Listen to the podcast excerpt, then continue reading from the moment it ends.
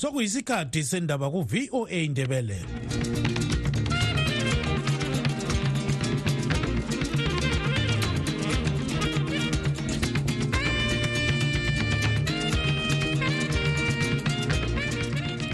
lami lami ngibonge utano nogawande obesipha indaba ngolimi lwesishona. Linga livuka njani izulu kandaba ulamukela emsakazweni westudio 7 ngolwesine mhla ziku-28 mpalakazi 2023 nguchris gande. Endabeni zethu lamhlanje umongameli webandla le-ccc umnumzana nelson chamisa ulandula imbiko kamnumzana sengezo chabangu eyokuthi wachaphaza imali eyaphiwa ibandla ngumanyano we-european union eh thina ababa sithi nxa sikhuluma izinto sikhulume ngama-facts. Asilawo ama-facts kumbe i-compelling evidence ukuthi okwenzakala ku-ccc eh, it is because of izanu p f or it is because of i-judiciary. Kambe uhlelo lokuxoxisana ngodaba lwegugurawundi oluthiwa luzakhokhelwa zinduna luzaphathisa na into engingayitsho izinduna kumele zithathe i-information yonke injalo. Engayithi i-raw information. Injalo abantu bakhululeke bakhulume konke kuhlukumezeka kwabo kwaba yikho khona. Udubo lokusilela kwamanzi edolobho lakobulawayo luqhubekela phambili lanxa izulu lisina kuhle lezinsuku. Ngoba into esifuna ngeyokuthi kudicwe ukuthi idolobho lakobulawa is a water crisis ukuze kusivulele ama-potential partners abangafuna ukuthi bepartne nathi inani lezizalwane zezimbabwe ezethekelele indawo zokuzilibazisa elizweni liqansile ngekhefu lekhisimusi. Zonke lezi ndaba lezinye lizozizwa khonapha emsakazweni westudio 7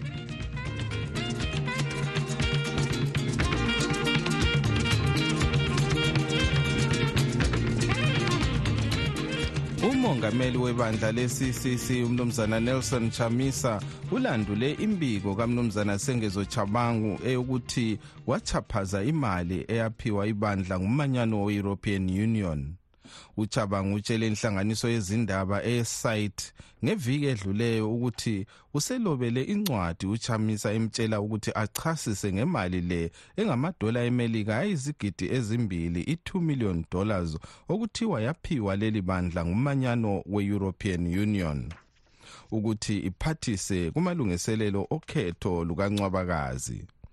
Kodwa uchamisa eloba enkundleni yokuxhumana etwitter esiyazakala ngokuthi yi-x uthe izandla zakhe zimhlophe ngoba engazange athathele imali.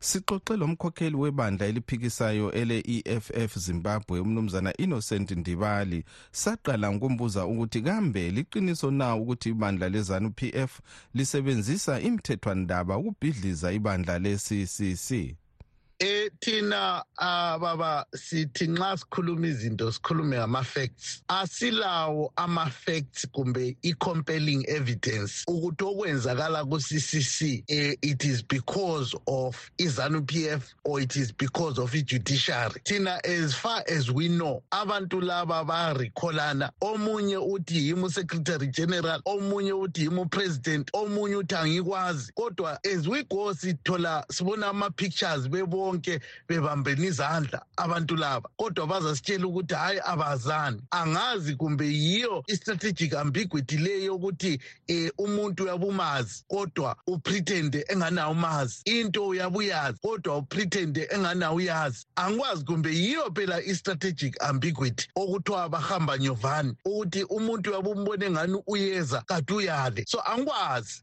Kodwa i-evidence asilayo ukuthi i-judiciary yiyo erecalla abantu. As far as we, we know sile evidence kababa uchabangu othi ungusecretary general and wahamba ekhoti ilegitimacy yakhe yathestwa ekhoti kwathiwa nguye yebo ye usecretary general njalo ulelungelo lokurecalla ama-mps asethe bona they are no longer part of iparty angusecretary general khona. So thina asikwazi ukuthi kanti i-strategic ambiguity leyi does it mean ukuthi bayenze ezinye izinto bebe sebesithi abakwazi kumbe bebe sithi abasazani? Is it part of the strategy? Ungathini wena ngombuso welizwe i-politics okhona nje kathesi khathesi ipolitics yelizwe must focus on uh, creating jobs. Dealing with the problem yamanzi kobulawayo dealing ngendlela ukuthi ubulawayo ungcole kangakanani. Inhliki inhliki yonke khona obulawayo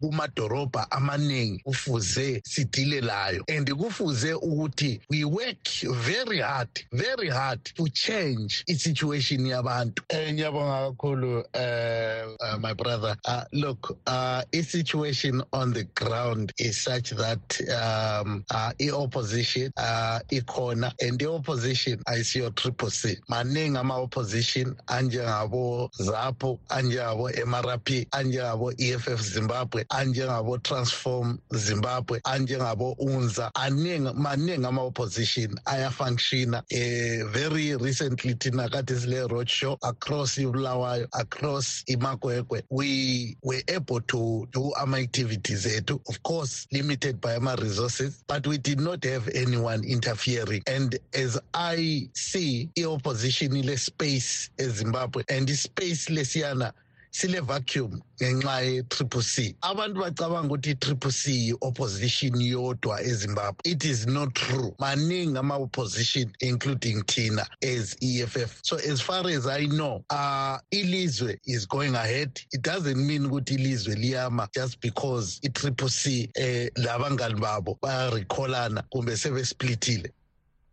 lo ke ngumnumzana Innocent Dibali umkhokheli webandla eliphikisayo ele EFF Zimbabwe.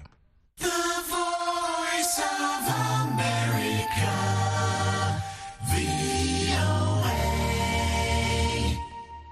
Umkhokheli wezinduna kwinhlanganiso yeNational Council of Chiefs umnumzana Mchane Khumalo uthi izinduna sezilungele ukuqhuba uhlelo lokukhulumisana ngodaba lwegugurawundi olukhangelelwe ukuphawulwa ngumongameli Emerson Mnangagwa ekuqaleni komnyaka ozayo.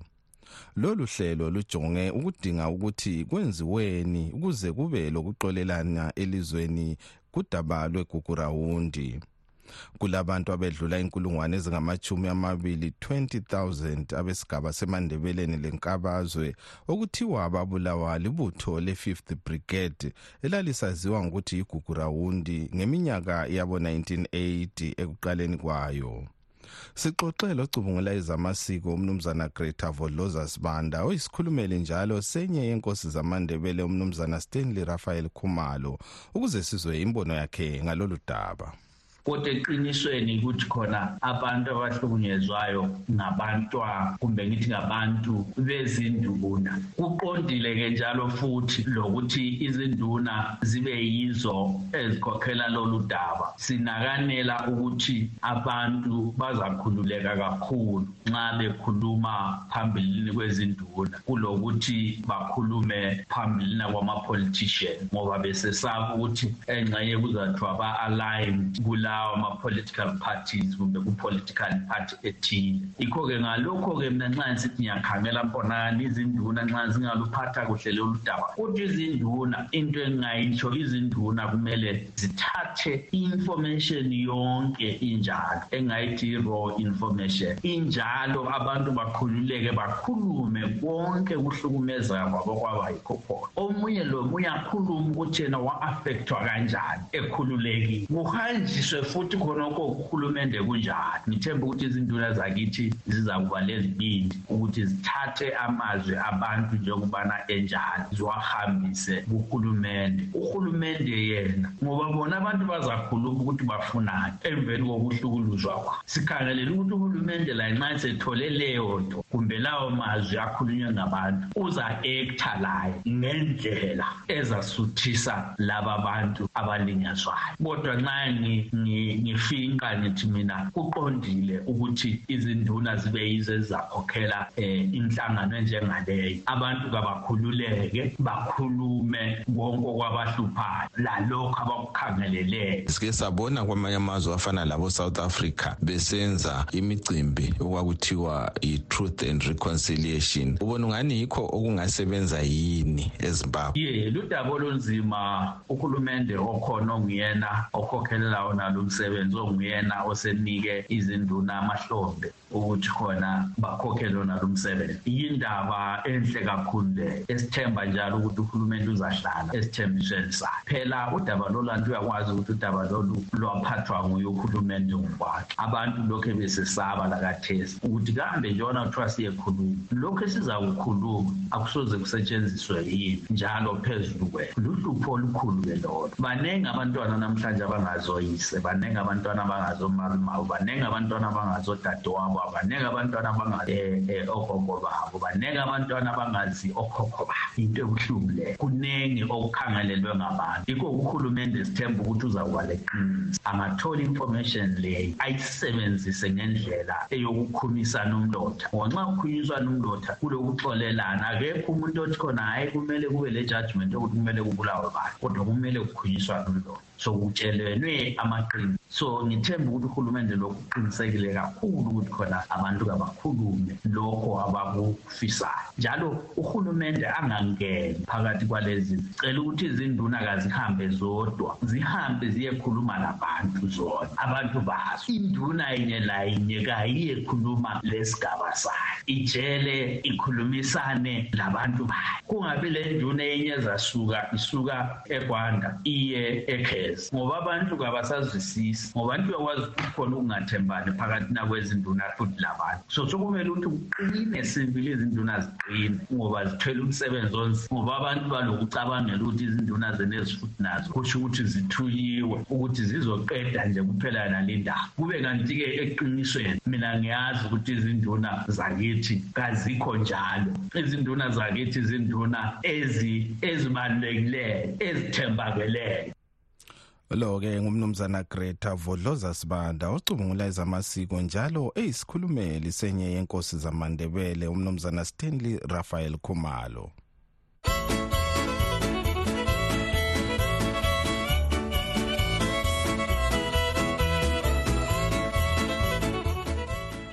Umanisipala wakobulawayo uthi uzavalela abahlali baleli dolobho amanzi njalo nxa kungedlula ikhefu lekhisimusi emadamu kungangenanga amanzi eneleyo umanisipala ubesevale amanzi okwamalanga amahlanu ngeviki esenzela ukwalondoloza ngoba amadamu akhe esesitsha kodwa usuke wamisa lolu hlelo kancane kunsukwana ezedluleyo ukuze abantu bawathole ngemfanelo ngesikhathi sekhefu. Untungameli nkomo westudio 7 uxoxelo khansila kaward 9 kobulawayo umnumzana donaldson mabutho.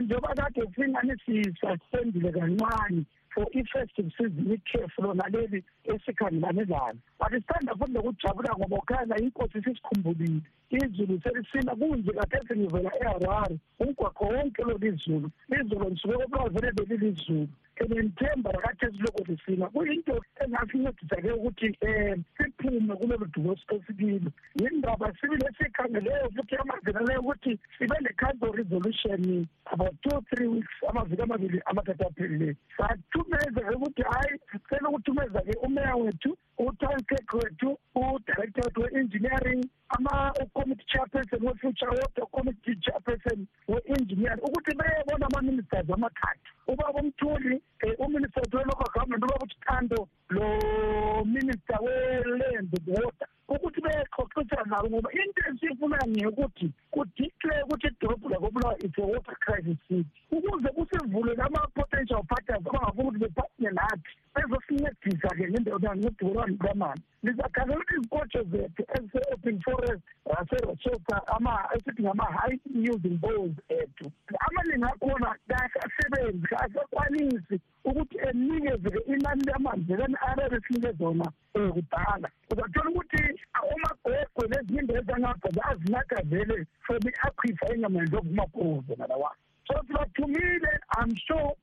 after ikhefu lona leli bayabuya khonale-ke ukuthi behlangana labakhokheli be-government into esiyikhala yiyona leyo ukuthi bantu bakithi sicele ukuthi idorobhu lethu lidiqe water crisis sibe ne-funding direct funding ezancedisa-ke udubo esilalo kobulawayo izulu uyatsho ukuthi linile angenile yini amanzi emadamu ye ukuthi kathethi asikatholi-ke from umanjinela wethu ngizabhase ngingaxoxisana naye-ke enike-ke ama-statistics ngoba is a very cooperative man. Yathi siyazisa lezi zakhamizi ukuthi amadamu ethu asame kanje kodwa kukhona okuke kwathentela khonale ekusele nje ukuthi sibe lombiko ukuthi behamba besiyahlola khona le madamu sekungene inani lamanzi angakanani. Nxa engakangeni ngemfanelo kusho ukuthi lizaqhubeka livala amanzi ikhefu linga- lingadlula. Kuzaqhubeka kunjalo burwani ngoba singakhangela ukuthi silomthetho vele othi i-water act laphana u-rule twenty one u-rule twenty one uyachasisa kuhle kuhle ukuthi nxa uleziphala zakho zamanzi unganathi zonke kawane ngoba le nhlelo ukuthi vele zilingananga ngo-twenty twenty four uyabhanti kuyavula lesiphala lesiya nxa lingananga ngo-twenty twenty five kuyavula isiphala lesiya so silohlelo a plan until twenty twenty seven ukuthi nxa amadamu ethu lokhu esithesile sikwanisa ukuthi sibe sinikeza-ke izakhamizi zakobulawa amanzi but hathi ngesikhathi esifaneleyo. Yikho-ke sithi sikhalela kakhulu ukuthi nxa into leyi ngayakalokhu ithesisa injengendlela ehamba ngayo government must come in. Sibonile kuba bomthuli nqubo eyenza i-national budget about water efaka six million izwe lilikhulu kangaka which is not even enough for even ifunding yedobho lakobulawayo ukuthi sisolve our water problem. Lo-ke ngumnumzana donaldson mabutho ukhansila kaward 9 kobulawayo. Ubexoxa icingweni lontungameli nkomo westudio 7 ekhona le kobulawayo.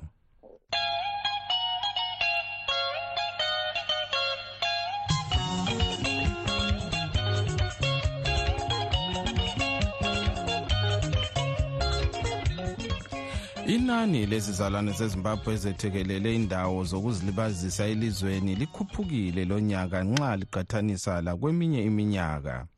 Inhlanganiso yabaqatshi abakuhlangothi lokwethekelelwa kwelizwe lithi phakathi kwabantu abavakatshileyo ngesikhathi sekhisimusi abavela ezimbabwe bayisilinganiso sokungamachumi ayisithupha ekhulwini i-60 percent ukuhlaziya lolu daba utabukancube westudio 7 uxoxe lomkhokheli wenhlanganiso yabaqatshi abakunhlangothi lwezokwethekelelwa kwelizwe eye-employers association of tourism and safari operators umnumzana clement mugwasi ukuze sizwe imbono yakhe ngalolu daba amahotelo lamakhamani lawa ayenza ama-activity vele kade egcwele amahotelo amaningi lamaloji amaningi lapha edolobheni yale-folos vele kade egcwele kufika ufikisa kuku-hundred percent. Lama-activities lawo kade egcwele kakhulu so ngasikhangela oke umnyaka lowo odlulileyo umnyaka odlulileyo ka-twenty twenty two abantu kade bebalutshwana bijana because kade savelele ukusuka ku-covid so abantu abaningi kade bengakabi le mali zokuthi bakwazi ukuthi bavakatshe kodwa lo nyaka hhayi babuyile sibilini abantu abavakatshileyo abanengi bebevela ngaphi Ka- kakhulu abantu abavela lapha e- ezimbabwe abantu beharare abantu bebulawayo labanye abantu amadolobho atshiyeneyo babuyile kakhulu ku-christmas. Um ngasikhangela okweminye leyi ezayo sikhangele izetekelo ezivela kwamazwe atshiyeneyo ama-bookings ethu ababhalisiwe ukuthi bayabuya ba- kuyatshengisa ukuthi abaningi bakhona bavelela abanye bavelela e-america abanye bavelela e-europe yibo abaningi bakhona bazabuya ku-new year kodwa ku-christmas abaningi kade bengaba- kade bengabantu balapha e- ezimbabwe. Bekuvakatsha abantu abanjani? Kade kubuya amagruphu atshiyeneyo um iimuli kade zibuya zihlangene abantu abadala labantwana um le- le- lezihlobo ezitshiyeneyo abantu abasahambi emakhaya ukuthi baye qeda iholide basemakhaya. Sebebuya kuma-tourism resort bechazeka bebonana benza ama-activity atshiyeneyo kuyini okubangele ukuthi kube lezethekelo eziningi ezivela ezimbabwe? Um ukumaketha kwethu elizweni um sekule se- sekukhanya vele ukuthi abantu hhayi bayasizwisisa sebebuya sebenza into into zonke zonke. Sibone futhi ukuthi lo nyaka um abantu abalapha ezimbabwe labo bayenzile ama esingathina ngama-high adrenal activities into ezifana labo-bangi labo-goat swing and the like labo-rafting abantu balapha ezimbabwe lapho sebeyenza into ezinje kudala besikade kungayenziwa ngabantu abalapha ezimbabwe kade kujale ukuyenziwa ngabantu abavelela kwamanye amazwe. Balapha ezimbabwe kade bejayele ukwenza ama-ned back activities afana labo-cruise labo-helicopter flight lokuhamba phakathi kwama-follows. Kothi laphana siye sibe le-covid ama-borders wonke kade efaliwe. Abantu kade bengakwanisi ukuthi baphume elizweni besiye kwezinye indawo so bafunde imikhuba emitsha ukuthi bayakwanisa ukuthi bavakatshe phakathi kwelizwe labo besecazeka lezihlobo zawo so emitsha leyi khathesi sesiya phambili kungasela covid. Babonile sibili ukuthi umuntu uyakwanisa ukucazeka evakatsha lapha ezimbabwe esekariba esematopo esiye-victoria falls esiye-eastern highlands. Babonile abantu bezimbabwe ngesikhathi secovid ukuthi hayi umuntu uyakwanisa ukuvakatsha engaphumi phandle kwelizwe kungakabi le-covid abantu babejayele ukuthi kungaba le-holiday baphume behambe kwamanye amazwe. Ngenxa yokuthi babebona ngani kwamanye amazwe yiko okucazayo ukudlula lapha kwezimbabwe sebebona manje ukuthi ezimbabwe la ilenotho ile ndawo ezichazayo ezineningi lakho nokho sibebuya njalo. So i-victoria falls ngenxa yokuthi yiyo indawo elomdumo omkhulu ezivakatsheni um ibe labantu abaningi kakhulu abaze lapha ngasikhangela kwezinye indawo ezilapha ezimbabwe lo-ke ngumnumzana clement mukwasi umkhokheli wenhlanganiso yabaqatshi abakuhlangothi lwezokwethekelelwa kwelizwe i-employers association of tourism and safari operators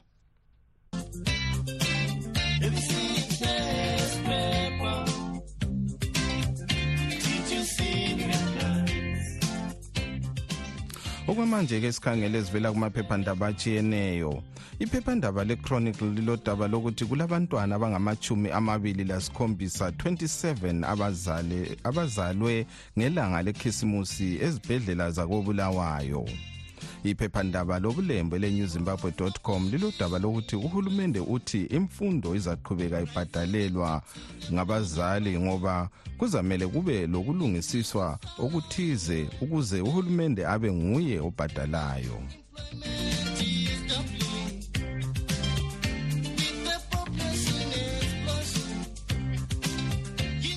Okwamanje sengidedela emuva ngelitshiya ezandleni zenu lina balaleli bethu kumbiko elisithumele nge-whatsapp.